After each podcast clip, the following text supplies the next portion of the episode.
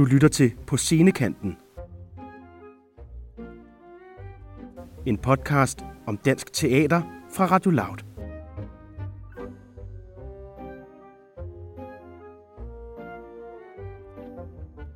Din vært, Karen Dick. Velkommen til På Scenekanten, Radio Louds program om scenekunst. Programmet der forsøger vi at blive klogere på, hvordan samfundsdebatten og de ting, der rører sig omkring os, kommer til udtryk i teater, performance, dans og alt det andet, der foregår rundt om på landets små og store scener. Jeg hedder Karen Dick, jeg er journalist og dramatiker, og jeg er jeres vært her på programmet. I dag der er jeg taget på besøg i Skuespilhuset i København for at tale med Sara Victoria Bjergård, der for tiden spiller Ophelia i forestillingen Hamlet på det Kongelige Teater. Vi sidder i hendes garderobe med udsigt over Københavns Havn og en kæmpe stor byggeplads, som forhåbentlig ikke støjer alt for meget. Sara, du har jo et øh, kæmpestort, flot rødt hår, fuldstændig samme farve som Pippis. Ja. Og så vidt jeg ved, så har du aldrig spillet Pippi, men Nej. alligevel så er der en replik fra hende, som du er meget glad for. Ja, det er der. Det er den der klassiske Pippi-sætning, at det har jeg aldrig prøvet før, så det kan jeg helt sikkert. Og det har måske også været meget gældende for dit øh, virke som, øh, som skuespiller.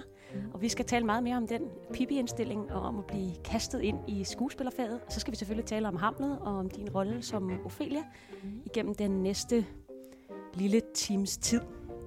Men først så skal vi have styr på, hvem, hvem du er. Så øh, lad os starte med, med en lille stribe blå bog spørgsmål.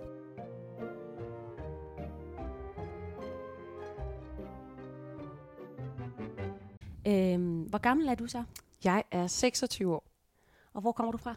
Jeg kommer fra Holbæk, som jo, ja, en times tid her fra København. Ja. bil, hvor jeg er født og opvokset. Og hvordan øh, kom du så ind i teatrets verden?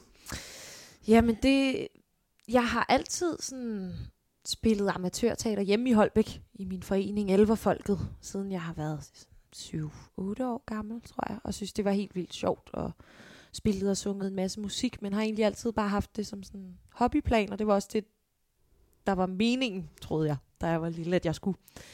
Øh, men så jeg blev kastet ret sådan hovedkuls ind i det som sådan professionelt øh, fag, da jeg var 17 år gammel, og øh, gik til casting, open casting på en rolle i musicalen Skammerens Datter ude på Østergasværk. Og det gjorde jeg, fordi at øh, jeg selv havde været i teateret i, inde på Østergasværk flere gange, og bare elskede det der rum, og var helt forelsket i den scene.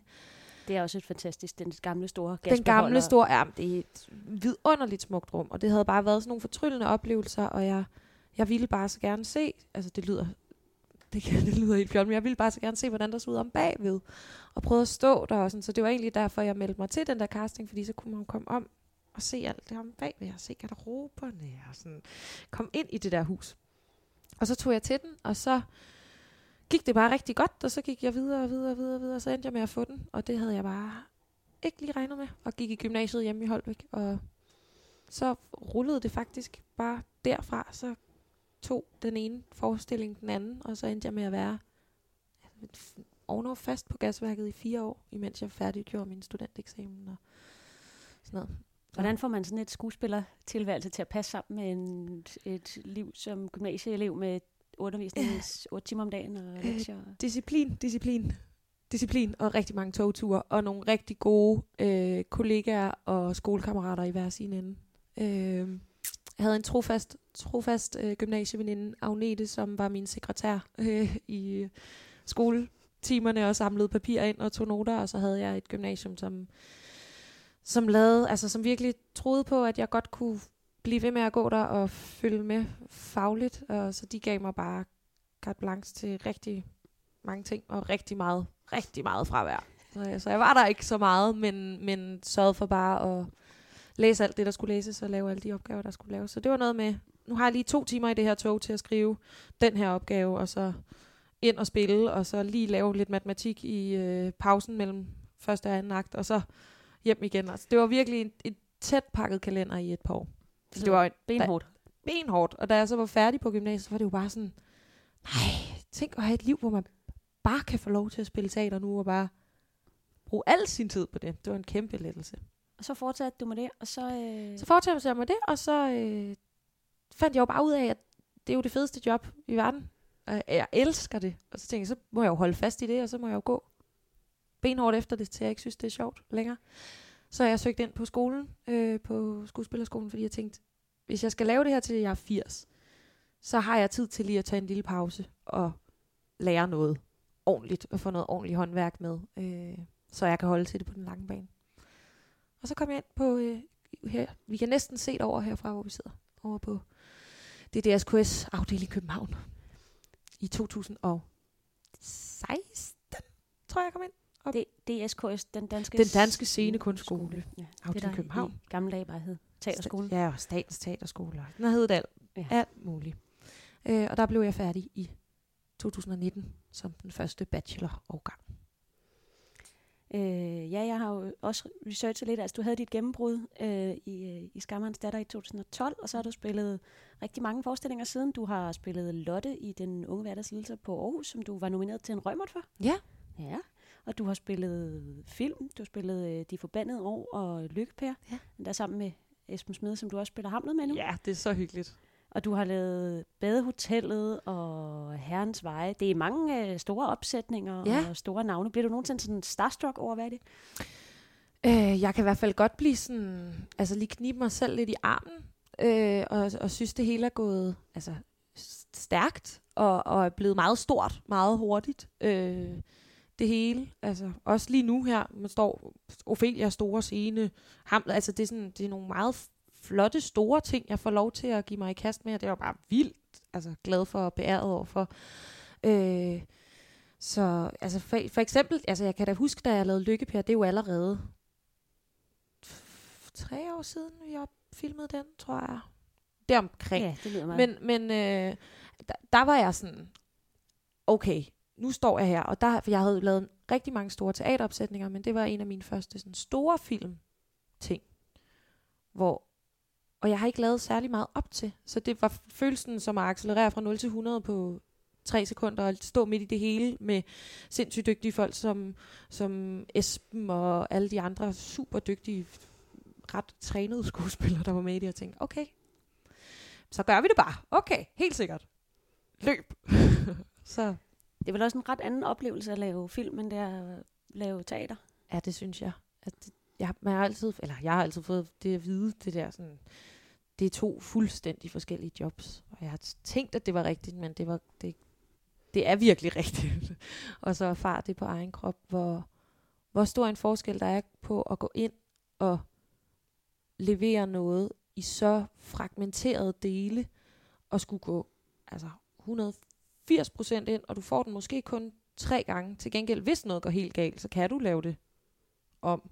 Men det skal være så koncentreret og så så spidse lige der, hvor at i teateret, der skal det skal jo også være helt vildt skarpt og spidse, men du, du er ligesom med i hele buen, og får det i en kronologi, hvor du kan, kan strække din karakter over en aften, og du tager den i hånden og følger den over i filmen. Det der med, at man virkelig bliver kastet fra sidste scene til første scene til et sted inde i midten, og nu er det bare lige en transportscene, og nu er det den store scene. Det, det er en helt anden måde at skulle disponere sin, sit instrument på. Øh, jeg elsker begge dele. Helt vildt meget. Det er virkelig sjovt, men det er virkelig to slags skuespillerhatte, man skal have på, når Have man på, gør ja. det. Øh, du sagde, at du øh, dengang du gik i skole, og måske i hvert fald i gymnasiet, og stadigvæk spillede teater, før du begyndte på Skammerens Datter, at, at det var meningen, det bare skulle være et, et øh, hobbyprojekt. Ja. Øh, hvad skulle du så lave i stedet her? Jamen, jeg er meget, meget naturvidenskabelig glad.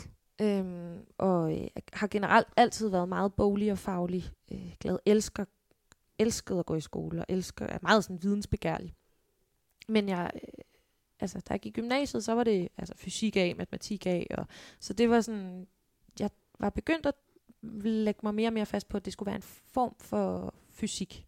Vej. Det skulle være noget med fysikere. Så det er jo noget helt andet. Jeg synes, det lyder som en helt, helt anden karrierevej, og noget, der er meget indadvendt. Ja, og, sådan- og, og, og noget meget med noget, der har, en, har et facit. og det har vi jo aldrig her. Øhm, og og det, det kan godt være lidt angstprovokerende nogle gange, når jeg godt kan lide, at ting går op og har en løsning og har et bevis. At være havnet i et fag, hvor at der kun er spørgsmål og aldrig rigtig nogen svar. Øh, det kan godt være lidt udfordrende, men også altså, en kæmpe befrielse. Øh, men, men jeg, altså, jeg er også en skuespiller, der i min forberedelse sætter ting meget i kasser. Altså for at for så at åbne det op til sidst, men, men jeg, jeg elsker stadig at, at, at prøve at putte nogle skemaer og, og kasser ned over tingene. Øhm, hvad synes du selv, du sådan er rundet af som, som person, og måske også som, som spiller? Altså, hvad er det for nogle... Øh, øh, for et opdrag, du kommer af? Eller? Uh, det er et stort spørgsmål. Øh, jeg er øh, nysgerrig. Og øh, både på, på, på faget og stoffet, men også på de mennesker, jeg laver det med. Og det er noget af det, der gør skuespil så vidunderligt sjovt. Man møder så mange dejlige mennesker, og det er skiftende arenaer hele tiden. Der er hele tiden nogle nye, man kan dykke ned i og tænke, hvem er du, og hvordan gør du tingene? Og vi gør det på så forskellige måder, og det synes jeg er en kæmpe gave. Øh, og så er jeg... Øh, så er jeg en, der går... Jeg kan godt lide, at... Øh, at vi har det godt. jeg, ej, jeg ved ikke, hvad jeg skal sige. Jeg, øh, mm, jeg kan godt lide, at der er god stemning, men ikke for enhver pris. Men altså, jeg vil gå ret langt for, at vi... Nu, man skifter jo hold hele tiden. Man er jo hele tiden i nye arbejdskonstellationer. Og jeg føler mig mest produktiv, når jeg er i et rum, der er trygt, og hvor vi kan, øh, hvor man er gode over for hinanden. Det er noget, der er vigtigt for mig i et arbejdsrum. Så ikke at skulle, uden at gå alt for meget på kompromis med øh, sig selv selvfølgelig, men, men og de, de arbejdsrum, som vi for eksempel har haft her på Hamlet, hvor man bare altså, behandler hinanden godt. Det er vigtigt for mig. Ja, det tror jeg, eller det tænker jeg ikke nødvendigvis er, en, er, er sådan, alle har det, eller der i hvert fald tit kan være sådan en fortælling om, at, at det også godt må gøre ondt og være svært, og, ja. sådan for at der kommer stor kunst ud af det. Ja. Altså sådan den lidende. Ja, der er jeg nok ikke, jeg er ikke så rundsav Nej. på albuerne-agtigt. Nej. Men det går meget godt alligevel, kan man sige. Det går meget godt alligevel. Så jeg håber jeg også, at, at, at og, og tror på, at det godt kan gå godt, hvis man bare er et ordentligt menneske.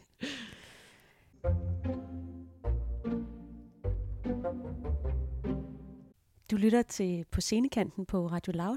Jeg hedder Karen Dick, og jeg er jeres vært, og i dag der er jeg taget på besøg i Skuespilhuset op på øh, en af garderoberne, hvor jeg taler med Sara Victoria Bjergård, der spiller Ophelia i Hamlet på det Kongelige Teater.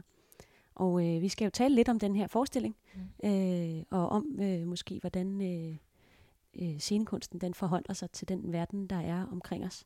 Man kan sige, at Hamlet er jo det er jo en af de store øh, klassikere. Ja, det må man sige. Men øh, ja. måske du alligevel kunne tænke dig lige at, at sådan forklare øh, vores lyttere, eller præsentere forestillingen lidt for vores lyttere. Du må måske ikke have alle øh, fem akter og alle detaljerne med. Nej, men det er jo en ordentlig basker. Nej, og det er jo en historie, som de fleste kender jo, altså Hamlet som titel, og tænker faktisk nok også, at de kender historien. Men mange, når man sådan... Jeg har for eksempel haft et par veninder inden allerede, der har noget at se den. Vi har kun lige spillet i to uger nu her, som var sådan, gud, gud, jeg vidste jo faktisk slet ikke, hvad den handlede om egentlig. Og sådan tror jeg faktisk, der er mange, der har det. Øhm, men, men helt kort fortalt, så handler den om prins Hamlet, prins af Danmark. Jeg tror også, det er derfor, vi har et så stort forhold til den herhjemme. Øh, som vi starter stykket ved, at han allerede har mistet sin far. Og er i sorg øh, over det. Og så øh, møder han sin fars genfærd, som fortæller ham, at det ikke var et naturligt dødsfald, men at der er tale om mor. Og det er hans Hamlets onkel, altså hans farbror, der har slået kongen ihjel, og nu selv sidder på kongemagten og har giftet sig med Hamlets mor. Så det er jo allerede en kæmpe, altså man starter stykket ud med, at der bare allerede er intriger for fuld hammer. Øh, og så er hele forestillingen faktisk fra Hamlets side et langt hævntogt på, hvordan kan han hævne sin fars død og, og hans onkels øh, ja, onde gerninger, og øh, altså at have giftet sig med hans mor og dræbt hans far. Og, og så, øh, hvis vi skal tale Ophelia ind i det, så er det, det er øh, Hamlets øh, kæreste, fra start, som han støder fra sig, og hun går helt til grunde. Og så er der en masse sidehistorier og, Og forviklinger. forviklinger og alt forsøg muligt på, bedste Shakespeare-viser. Nogen, der lige skal lidt til England, og nogen, der lige... Der sker alt muligt. Men sådan i de grove hovedtræk, så er det en, en, en hævn-historie om en tvivlende ung mand, der skal finde ud af, hvordan han, om han kan gennemføre den her hævn, og hvordan han skal gøre det. Ja, jeg sagde jo, at øh, altså, det er 400 år siden cirka, at Mm. Shakespeare han, øh, han skrev øh, den her forestilling. Hvorfor tror du, at vi stadigvæk spiller Hamlet i 2020? Det tror jeg, vi gør, fordi at, at det, det er så vildt med sådan noget som Shakespeare, som er, som du siger, 400 år gammel. Hvordan det kan blive ved med at være evigt relevant, fordi det simpelthen taler ned i nogle ting i mennesket. Øhm, det er tvivl, det er hævn, det er kærlighed, det er begær, det er, altså det er virkelig sådan grundelementer af menneskeheden. Og jeg synes, det er så fascinerende, at du kan sidde med et manus, som er så gammelt, skrevet i en verden, der så fuldstændig anderledes ud. Og så hvis man, jo, så er der noget med, med selve sproget, som selvfølgelig har ændret sig. Vi har også en helt ny øh, oversættelse af Niels Brunse, som vi arbejder med for ligesom at tage det op øh, lidt i vores tid. Men at man, at menneskets dilemmaer, uanset hvor meget samfundet omkring os ændrer sig, så er de bare eviggyldige. At menneskeheden trods alt ikke er mere revolutionerende som race. Øh, så, så det, og det synes jeg gør en til en lille bitte brik i, i et kæmpe verdensbillede. Og, og ja, det synes jeg er meget fascinerende. Så skriver han bare nogle altså, vidunderlige sproglige sprogblomster som man bare kan blive ved med at gå på opdagelse i og, og opleve. Og jeg synes, at den version, vi har endt med at lave, øh, tager hamlet op og, og gør den altså nutidig. Den, for, vi, vi har, den foregår i en, i en, man kan kalde det en teatertid, altså en lidt udefinerbar tid. Der bliver ikke benævnt, hvornår vi er. Øh, Og det er ikke moderne med mobiltelefoner? det er heller ikke eller- moderne med mobiltelefoner, det, så det er ligesom, det er ikke nutid, nutid, men det er heller ikke nødvendigvis gammel tid. Det er sådan et, nemlig sådan lidt et ursted, der egentlig kunne være næsten, hvornår øh, det skulle være. Men jeg synes, den opsætning, vi endte med at lave, og Morten Kirksgaard har endt med at lave, øh, tager det op og gør det ekstremt forståeligt, og, og, og gør historien ekstremt klar, som nemlig gør, at den bliver super relaterbar.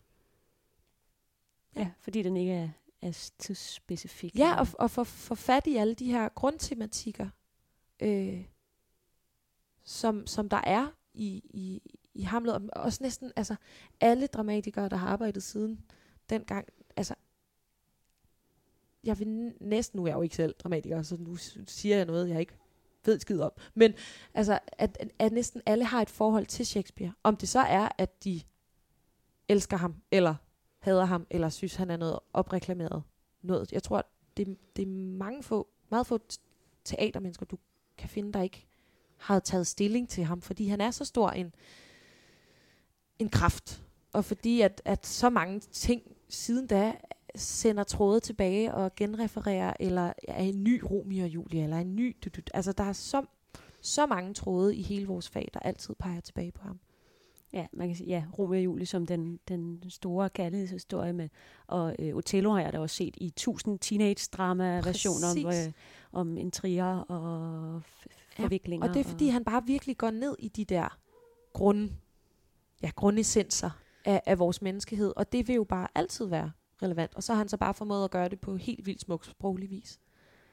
Øh, jeg tænker tit med, med Hamlet, at han er jo i virkeligheden også bare en, øh, en tragisk teenager. Altså en, øh, en ung mand, der er vred på sin mor og hendes nye mand, og også, er også ret vred på sin mor, ikke over det, hun har Ja, foretaget og, sig. og i sorg over sin far, og er fortvivlet og forvirret, og, Leder efter nogle faderfigurer og nogle idealer. og så i vores version har vi valgt at hive deres Ophelia og Hamlets kærlighed frem. Så også sådan et forelsket ung menneske, der skal finde ud af at, at stå i det, og, og, og kan man det samtidig, eller skal man give afkald på det, og nu siger de det. Altså, der, jeg er sådan, altså virkelig, ja, teenage-tvivler. Prøver at finde sin egen vej, og nu var jeg lige i gang med at skabe mig et liv, men hvis jeg skal begå den her hævn, hvem bliver jeg så, og kan jeg det, og hvad, hvad gør det ved mig som menneske? Ja, måske skal vi lige, måske kan vi lige dvæle lidt ved det der øh, hævnscenarie. Altså, hvad er det for en, for en hævn, han ønsker at tage? Øh. Jamen, han ønsker jo, at, at den nye kong Claudius, hans onkel, skal, øh, skal dø. Simpelthen lavet livet for det liv, han har taget. Og, øh, og, og øh, at han skal, han skal dø, så han ikke kan gøre flere grofuldheder i denne verden. Øh, men det, ved at gøre det, så gør Hamlet jo også sig selv til morder af skæbnens vej, og det har han rigtig svært ved at forlige sig med.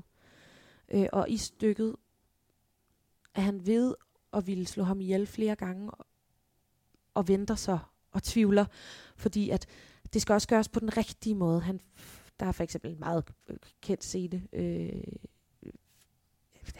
sådan godt halvvejs ind i stykket, hvor at han øh, siger, nu kunne jeg gøre det, nu imens han beder, og så vil han slå ham ihjel, hvor det går op for ham, nej, hvis jeg gør det nu, lige nu, imens han beder, så kan det jo netop være, at han bliver sendt til himmel og får tilgivelse, og jeg kommer i helvede for at være morder. Det er jo helt forkert. Det er ham, der skal i helvede. Så hvordan gør jeg så? Så han bliver ved med egentlig at have flere muligheder for at gøre det, men hele tiden, ah, det er heller ikke helt det rigtige tidspunkt nu. Så han tvivler rigtig meget. Og så er det vel heller ikke nogen hemmelighed, at der, øh, der ryger nogle andre øh, menneskeliv øh, undervejs i altså, øh, Det er jo det, det gode ved Shakespeare. Man kan ikke helt spoile mere, fordi det er så old, at det, det er så rart at lave noget, hvor man sådan... Vi kan lige så godt tale frit om det, fordi der er så mange, der godt ved, hvad der sker. Så vi kan vist godt roligt sige, at det, det, det ender rimelig tragisk. Der er næsten ikke nogen, der ikke får lov til at dø på vejen. Ej, de dør, i virkeligheden dør de vel nærmest alle sammen, og så kommer... Øh, ja, det er kun Horatio i vores version, ja. der ikke dør, ellers så dør alle. Og så kommer den udfrakommende kongesøn og ja. rydder op. Ja. det er jo en... Øh, det er jo stadigvæk en ret, øh, en ret stor øh, forestilling. Er der nogle af de temaer i forestillingen, når vi talt om hævn, og vi har talt om tvivl, som, som resonerer særligt med dig, eller som du synes er, er særligt interessant at arbejde med? Altså helt sådan, hvis vi også skal tale om, om om mit arbejde med Ophelia i det, så, så har det været spændende for mig, og, for jeg synes, hun er så svær på papiret. Øh, jeg synes, hun meget nemt kan blive en, en, en funktionsrolle, som er til stede for at være en uskyldig ung pige, der skal gå til grunde. Øh, og hvordan jeg ligesom har, har prøvet at gøre hende til et, et lidt stærkere øh, selvtænkende individ, der tager sin egen valg, dog inden for nogle meget snævre rammer af folk, der gerne vil bestemme over hende, men, men ligesom at kunne finde hendes egen vilje og drivkraft for så at gå med de bestemmelser, eller hvorfor hun så gør det. Øh, og, i, og i det arbejde har det været, øh, har kærligheden til Hamlet været et, et spændende tematik, også fordi vi har valgt at forstørre den, fordi i det tekstlige forlag, så er det noget, der også ligger forud, så man ser det faktisk aldrig rigtigt, eller hører aldrig rigtigt om det som andet end noget, der har været refereret til, hvor vi har arbejdet med, at den skal være til stede og være præsent, så der ligesom er noget ægte øh, kærlighed at, at kæmpe for og, at falde fra for dem begge to.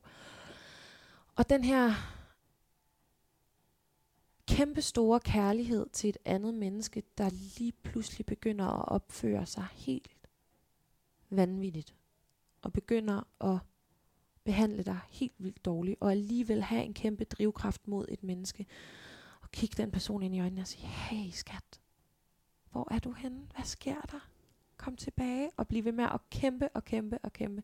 Det har været spændende at vende og få det med ind i, i mange af scenerne for mig.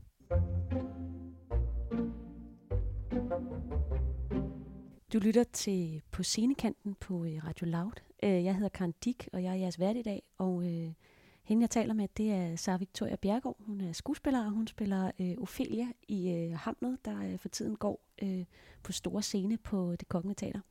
Og øh, ja, vi er jo begyndt at tale lidt om, om Ophelia-rollen, og måske særlighed om, om din Ophelia. Hvad er det allersværeste ved at spille Ophelia? Jeg synes, der har været mange ting, der har været svært. jeg, jeg, jeg har faktisk haft en ekstremt tvivlende proces øh, Hvilket jeg tror har været meget rigtigt også. Nu har vi snakket så meget om, hvor meget det er et tvivlende stykke om tvivlende mennesker. Så på den måde tror jeg, det har været, været meget fint at, at kunne give noget. Men jeg synes, det har været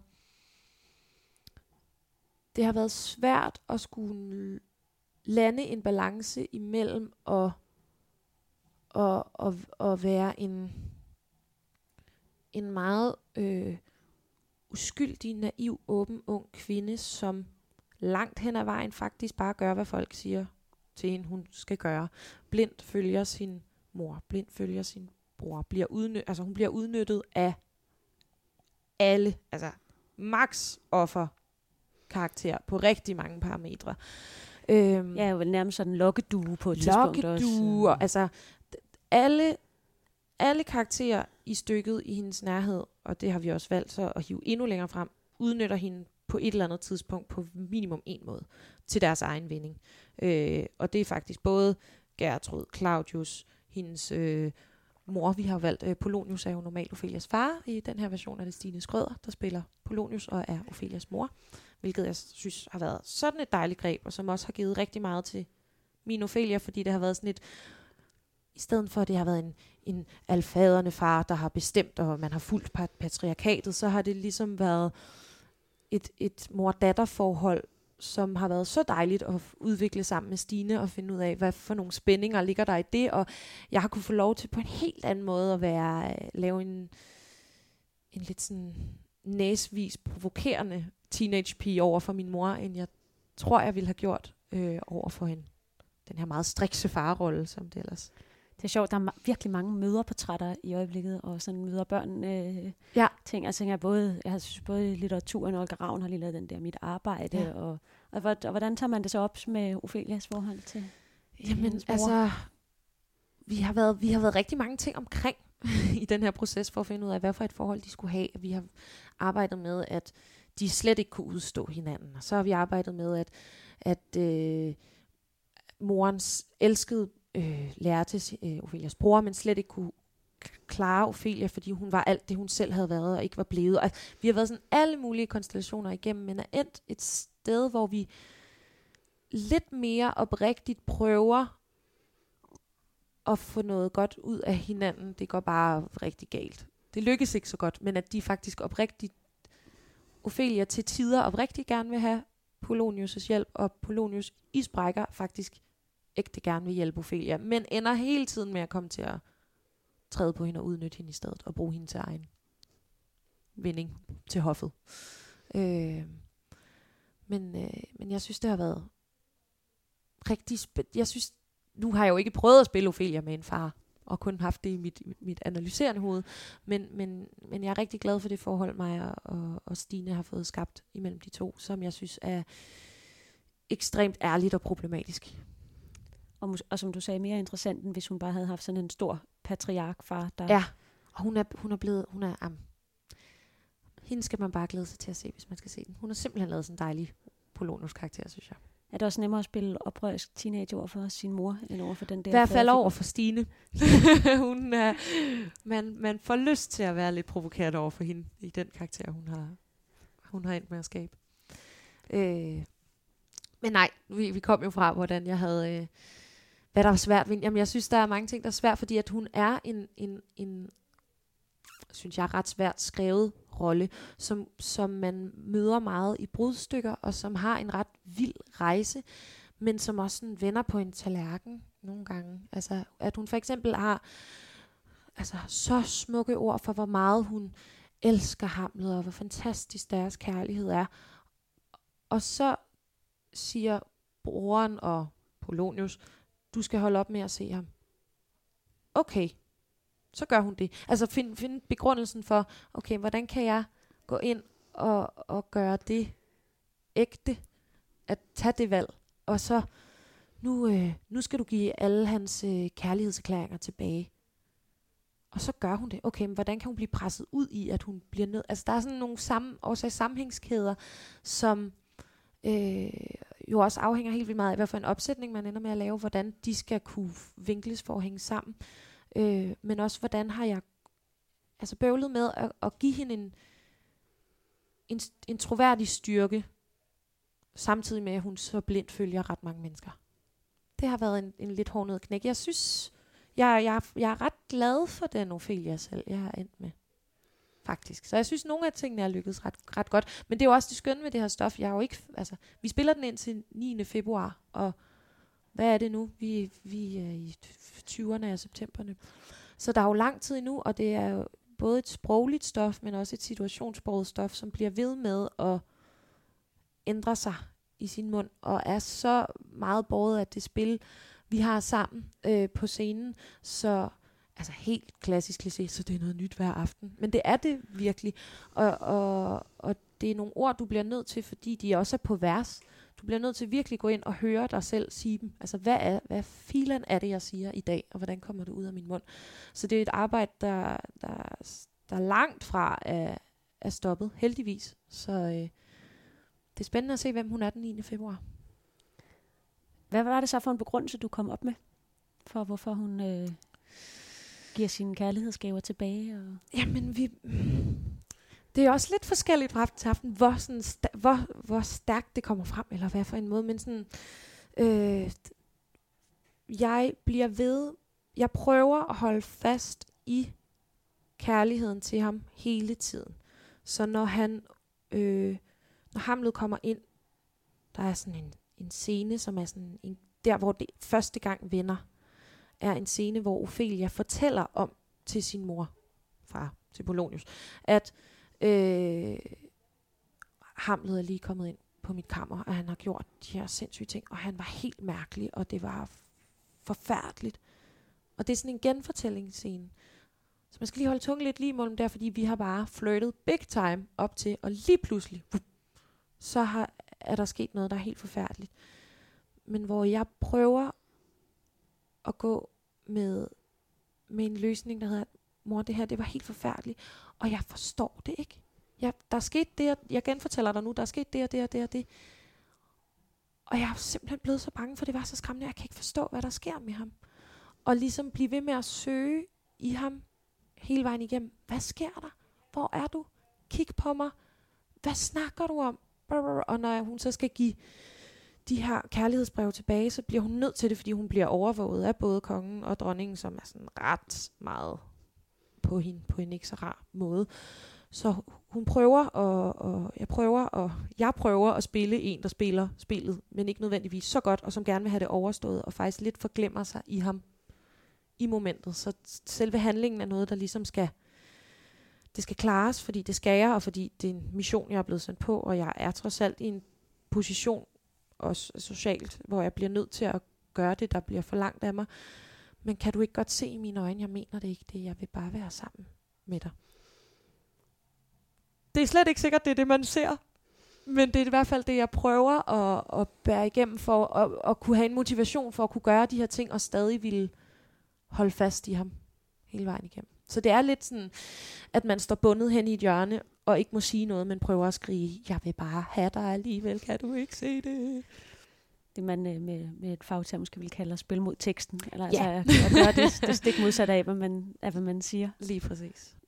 Du talte øh, tidligere, da vi talte om det her med, at du troede, du skulle læse øh, fysik, mm. øh, at du jo er meget sådan et øh, facit-menneske, mm. og det er lidt spændende, øh, når man sidder og arbejder med et tekst, der hele tiden øh, har mange spørgsmål. Mm. Øh, hvordan, øh, hvordan går du til det, når du sidder med sådan en tekst, og godt kunne tænke dig at finde dine løsninger? Beslutter du dig for nogle løsninger, eller Nej, det er jo hvordan det. Jeg, søger du? Jeg, jeg prøver at finde en masse løsninger frem, for så ikke at ville sætte mig fast på dem. Fordi jeg jo også netop må acceptere, at jeg er i et fag, hvor det bliver, altså, hvis, hvis jeg sætter mig fast og spiller et schema, så bliver det simpelthen så kedeligt at kigge på, og kedeligt at spille.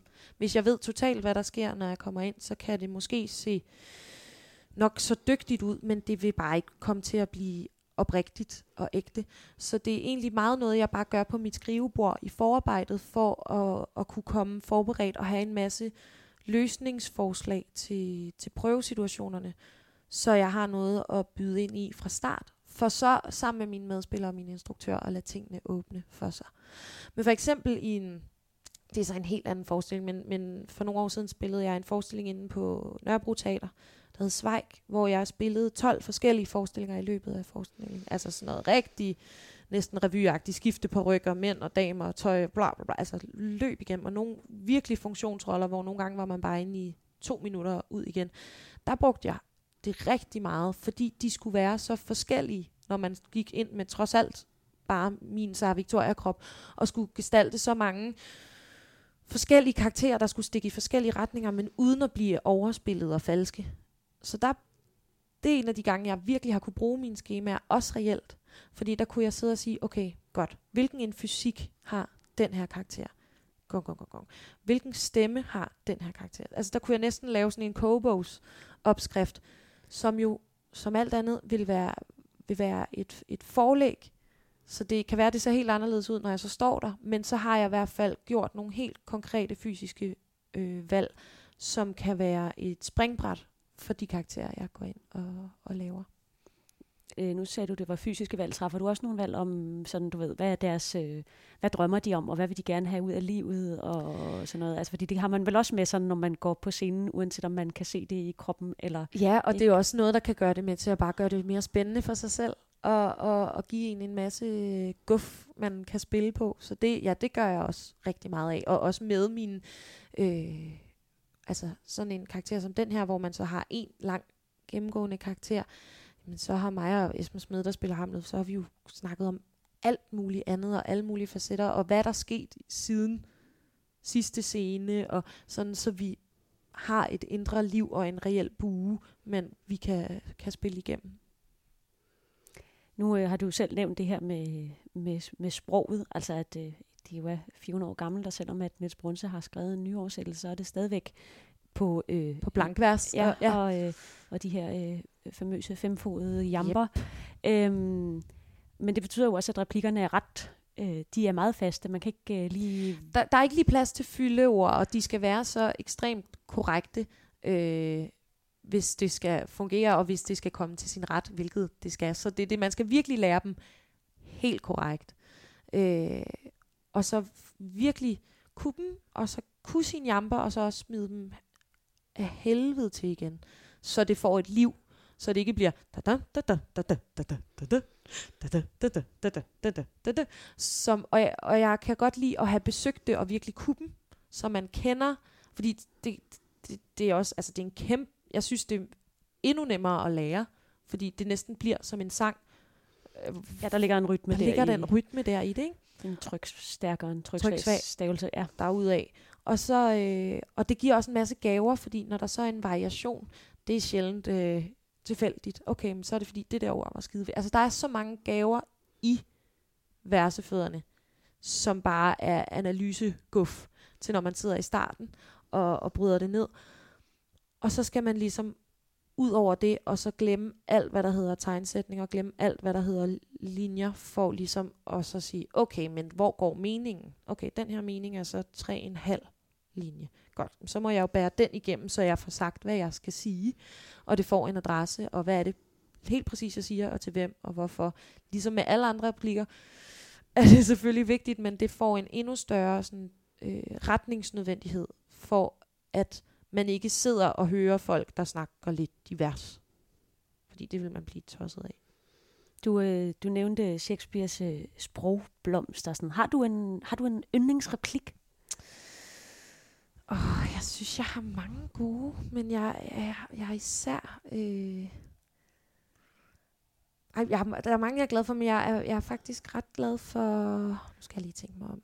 Jamen, hun har sådan en, en, en formaning til sin bror i starten, som, som er ret skønt, fordi Laertes han siger alt det, hun skal passe på ved Hamlet, og taler side op og side ned om, at hun skal opføre sig ordentligt og holde sig fra ham, og han er, han er slet ikke for hende, fordi han er kongelig, og det går ikke, og på alle mulige pæne måder. Og han er selv på vej til Paris, hvor hun så siger, jeg skal bevare disse gode ord som hjertets livvagt. Men, min kære bror, gør ikke som ugudelige præster, der viser mig den trænge sti til himlen, mens de som fede, grove levemænd selv vandrer af fordavets brede vej og glemmer deres råd som jeg bare synes er så nice. Som er sådan, ja ja, jeg hører, hvad du siger. Det er rigtig flot. Men du skal ikke stå og formane mig, hvis du selv har tænkt dig at tage ned til Paris og skide højt og heldigt. Fordi, fordi hvad? Fordi du er en mand, eller fordi du... Hvad er det lige, det her handler om? Altså, det synes jeg bare, at er, det er egentlig meget smukt skrevet, og, og få sagt det på en meget fin måde, men jeg synes bare, man kan lægge så meget sådan fejl lige foran din egen dør først, mester. Og det, det synes jeg bare er ret fedt, at hun lige ligger ud med at have sådan lidt snappy comeback. Det lyder som om, du læste en lidt sådan øh, feministisk pointe ind i det der med, at, at man som datter bliver opfordret til at følge dydens øh, smalle sti, og så kan han tage til Paris med sine lidt levende damer. Ja, eller hvad det, nu. det er også fordi, vi så har valgt at lave en lærtis, hvor at det er helt sikkert det, han skal ned og skal i Paris.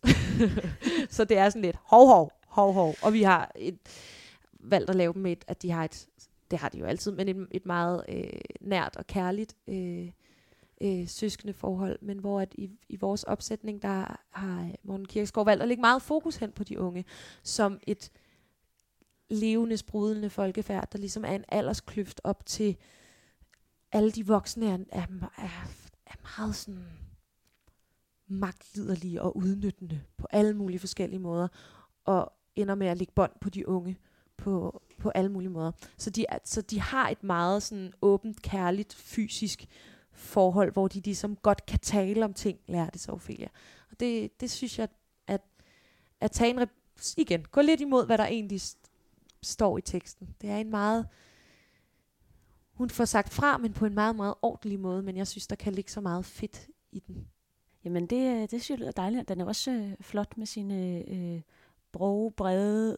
For derud brede vej. Ja, ja, det er flot, ikke? Og ugudelige præster. Man, man ser det for sig. Ja, Jamen, det, det, det er altså meget billedrigt.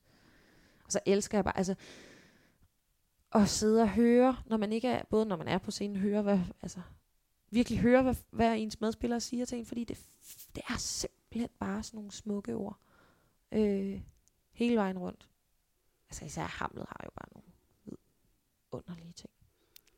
Det må man sige. Der er også øh, en grund til, at det er blevet klassikerpotentiale. Ja, det er det. Og jeg synes, i, altså, i den her, som vi snakkede om før, jeg synes, det er en opsætning, hvor historien står ekstremt meget frem.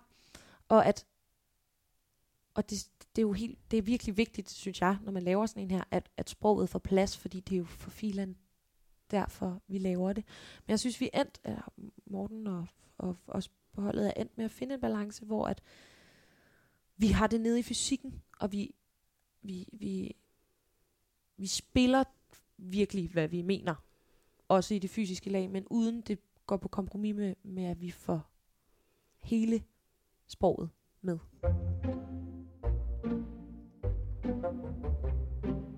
Du lytter til på scenekanten på Radio Loud.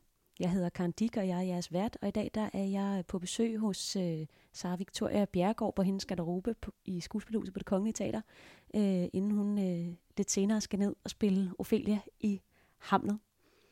Øh, og vi har jo lige talt om den her generationskonflikt øh, i forestillingen, altså med øh, alle de voksne, øh, dronningen og hendes nye mand og deres øh, venner og bekendte, som laver de store øh, rænkespil, og så øh, de unge mennesker, som måske i virkeligheden bare prøver at leve deres liv og deres øh, ungdomlige kærlighed og deres let levende damer i Paris. Mm. Øhm, og nu er det jo ikke nogen hemmelighed, at du også er en, øh, en yngre øh, skuespiller. Mm. Øhm, og øh, ofte, når man går i teateret, så kan man jo opleve, at publikum øh, i hvert fald for mange vedkommende, er, øh, er noget ældre. Øh, taler tit om de grå hjelme, eller ja. politikken plus segmentet. I hvert fald så er de voksne, de er over 40, og ja. måske også over 50. Ja. De er øhm, stærkt repræsenteret i hvert fald. De er stærkt repræsenteret. Man kan godt selv føle, at man trækker gennemsnitsalderen væsentligt ned. Man går ja. øh, men altså, har teatret øh, noget at give sådan et yngre publikum i din og min alder? Ja, det synes jeg altså virkelig. Det har. Jeg synes, det er en, en Selvfølgelig, synes jeg. Men det synes jeg, at det er en ekstremt vigtig øh, kunstform, og, og måske netop især øh, for unge, fordi det, det skiller sig så meget. Altså, vi, vi er så vant til, at, til altså, film og tv og opleve ting sammen hver for sig. Altså, og kunne mødes og snakke om, eller skrive om noget, man har set, så har man set det samme, men man har siddet hjemme i sin egen lille hule, eller hørt det i sin fede, lækre noise cancelling uh, headphones i sin egen lille boble, øh, hvilket jeg også altså, selv gør og elsker det, og det er slet ikke det. Men, øh, men det der med at komme ud og have nogle helt konkrete fysiske oplevelser sammen, der sker her og nu, sammen med andre mennesker, og trække vejret, sammen, synes jeg er ekstremt vigtigt. Og der er bare et, et, et, et meget, meget stærkt møde, oplever jeg selv, når jeg går i teateret for det meste. I at sidde blandt et publikum, og der står de her mennesker, der åbner sig for dig og krænger deres sjæl og hjerte og kampsveder og råber og kæmper og knokler lige foran dig og for det, det kan bare sætte så mange følelser i gang, synes jeg. Og især, altså, lige nu mere end, end nogensinde her post-corona. Øh, Eller ikke, det er, jo, det er jo ikke done. Men efter at vi øh, er begyndt at kunne, kunne komme i teateret igen. Den der oplevelse af at sidde side om side, både med folk, du kender, men også med en masse mennesker, du ikke kender, og opleve noget i takt.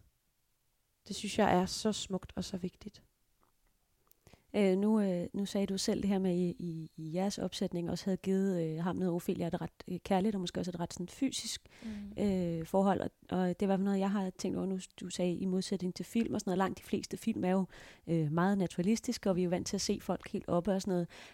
Øh, og teatret er jo på den måde et, et lidt andet, øh, eller et væsentligt andet formsprog, mm. øh, som, som måske også har noget andet at byde på. Altså vi leger med i højere grad med metaforer og med overgørelse og undergørelse. Og ja, der er, det er jo så, så forskelligt fra stykke til stykke, men jeg synes tit, der er plads til at udfylde flere huller selv, end nu bliver det jo vildt generelt, for det der er jo også i rigtig mange film og serier og sådan noget, men, men ting bliver mindre, tit mindre eksplicit, hvad end det så er, er rummet, der er en abstraktion, altså at for eksempel alt vores scenografi er en, en, samtidig med at den er ekstremt konkret, er den ret abstrakt. Øh, øh, der kan jeg lige sige, det er øh, fire sådan kæmpe vinkel, altså 90 vinklede vægge, øh, som er 6,5 meter høje og 3,5 meter brede på hver led, og på den ene side er de sådan noget spejlglas, som kan blive til spejl, men så kan det blive belyst, og så kan man se igennem dem.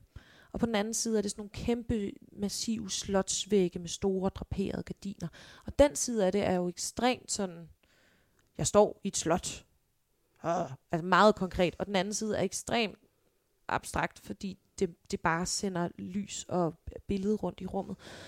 Men, men, men for eksempel det, at, at der sker hele tiden nye rum, men, men de sker, det er bare de samme vægge, der flytter rundt, og så må du ligesom selv fylde resten ud, hvor vi er, og, og hvad der sker. Og så er det ligesom krop i rum, der får lov til at lave resten af rummet, som du selv må som publikum øh, fylde ud. Og ja, som du siger, alle de kropslige ting, altså der er jo en masse fysiske valg, som er mere en abstraktion på en følelse, frem for at det er den helt naturalistiske.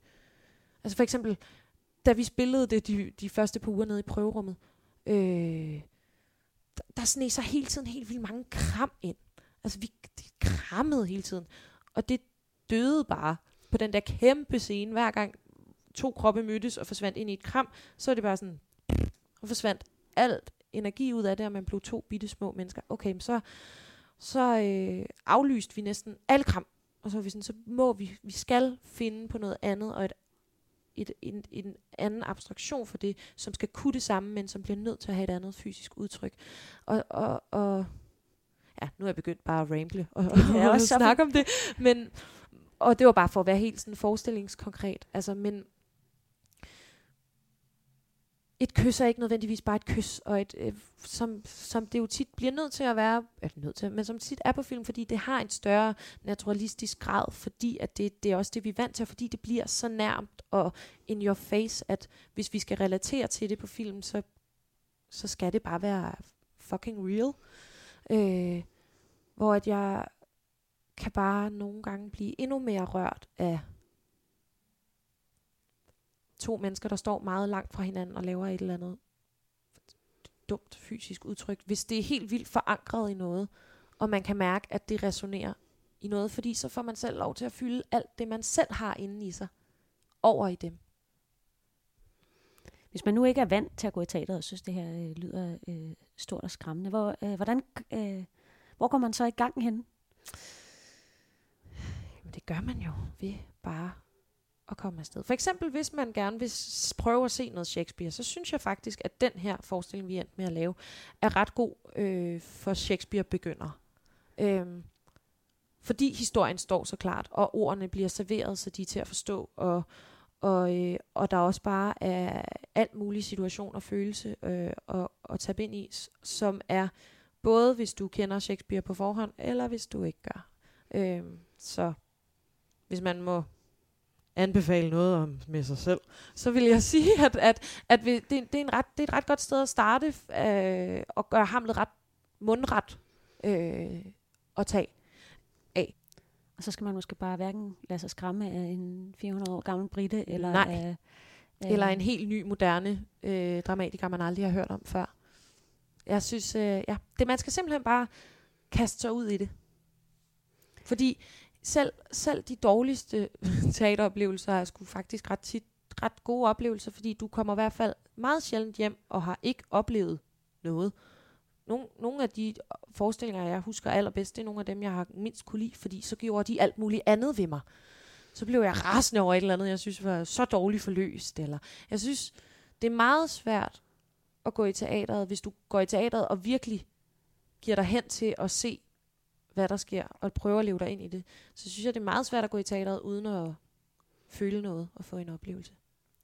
Og så får man også en fælles oplevelse. Det var vel også i virkeligheden det, du startede med at sige, at, at så har man noget at, at tale om, når man går ud og får en øl, Øl bagefter. bagefter. Ja, Ja. præcis. Øhm, jeg plejer at slutte de her interviews med at sige, hvis nu du og jeg vi øh, mødes igen om et år, eller måske om to år, hvad, øh, hvad laver du så? Altså er der for eksempel en rolle, du bare virkelig drømmer om at spille? Jeg tror ikke, jeg vil være så konkret, men lige på rolle. Men altså, jeg håber bare, at jeg kunne... Jeg føler mig ekstremt privilegeret. Altså, jeg får simpelthen lov til at lave så mange super fede roller og projekter. Så helt basically, så håber jeg at kunne blive lov, få, øh, få lov til at blive ved med det, og, og blive lov, ja, blive lov, det kan man ikke sige, få lov til at blive ved med, at, øh, at, at gå, gå, om, gå om kap. Det, jeg, nu siger jeg så bare, jeg, jeg kan ikke snakke. gå i krig og øh, med nogle skønne, fede roller og, og give dem et liv og give nogle fede historier og karakterer, som folk forhåbentlig kan spejle sig i. Og nu har jeg de sidste år lavet øh, et par sådan nogle rigtig klassikere og gamle klassikere, Goethe og Shakespeare, og har fået lov til at tage nogle lidt stille, naive, forstummede piger og lige give dem nogle sorte støvler og noget Ildrødt hår. krop og noget ildrødt hår og noget fanden i voldsked, og det har været en kæmpe fornøjelse. Og, og det håber jeg kunne blive ved med at, at kunne give nogle kvindestemmer, folk kan relatere til og se noget af sig selv i, og få lyst til at gå ud i verden og sparke røv. Det tror jeg vil lade være de øh, sidste ord for i dag. Øh, tak, for, øh, tak for snakken, Selv tak, så var Victoria. Nu, øh, nu er dagens på scenekanten ved at være færdigt, og øh, vi har talt om Hamlet og Ophelia, og om trælse teenager, og ulykkelig kærlighed, og mærkelige mødre, og Pippi-energi, og om hvordan man bare brager ind øh, i en øh, branche. Og øh, nu skal du snart ned og sparke røv som yes. Ophelia. Så øh, jeg siger tak for i dag. Jeg hedder Karen Dick, og vi lyttes ved.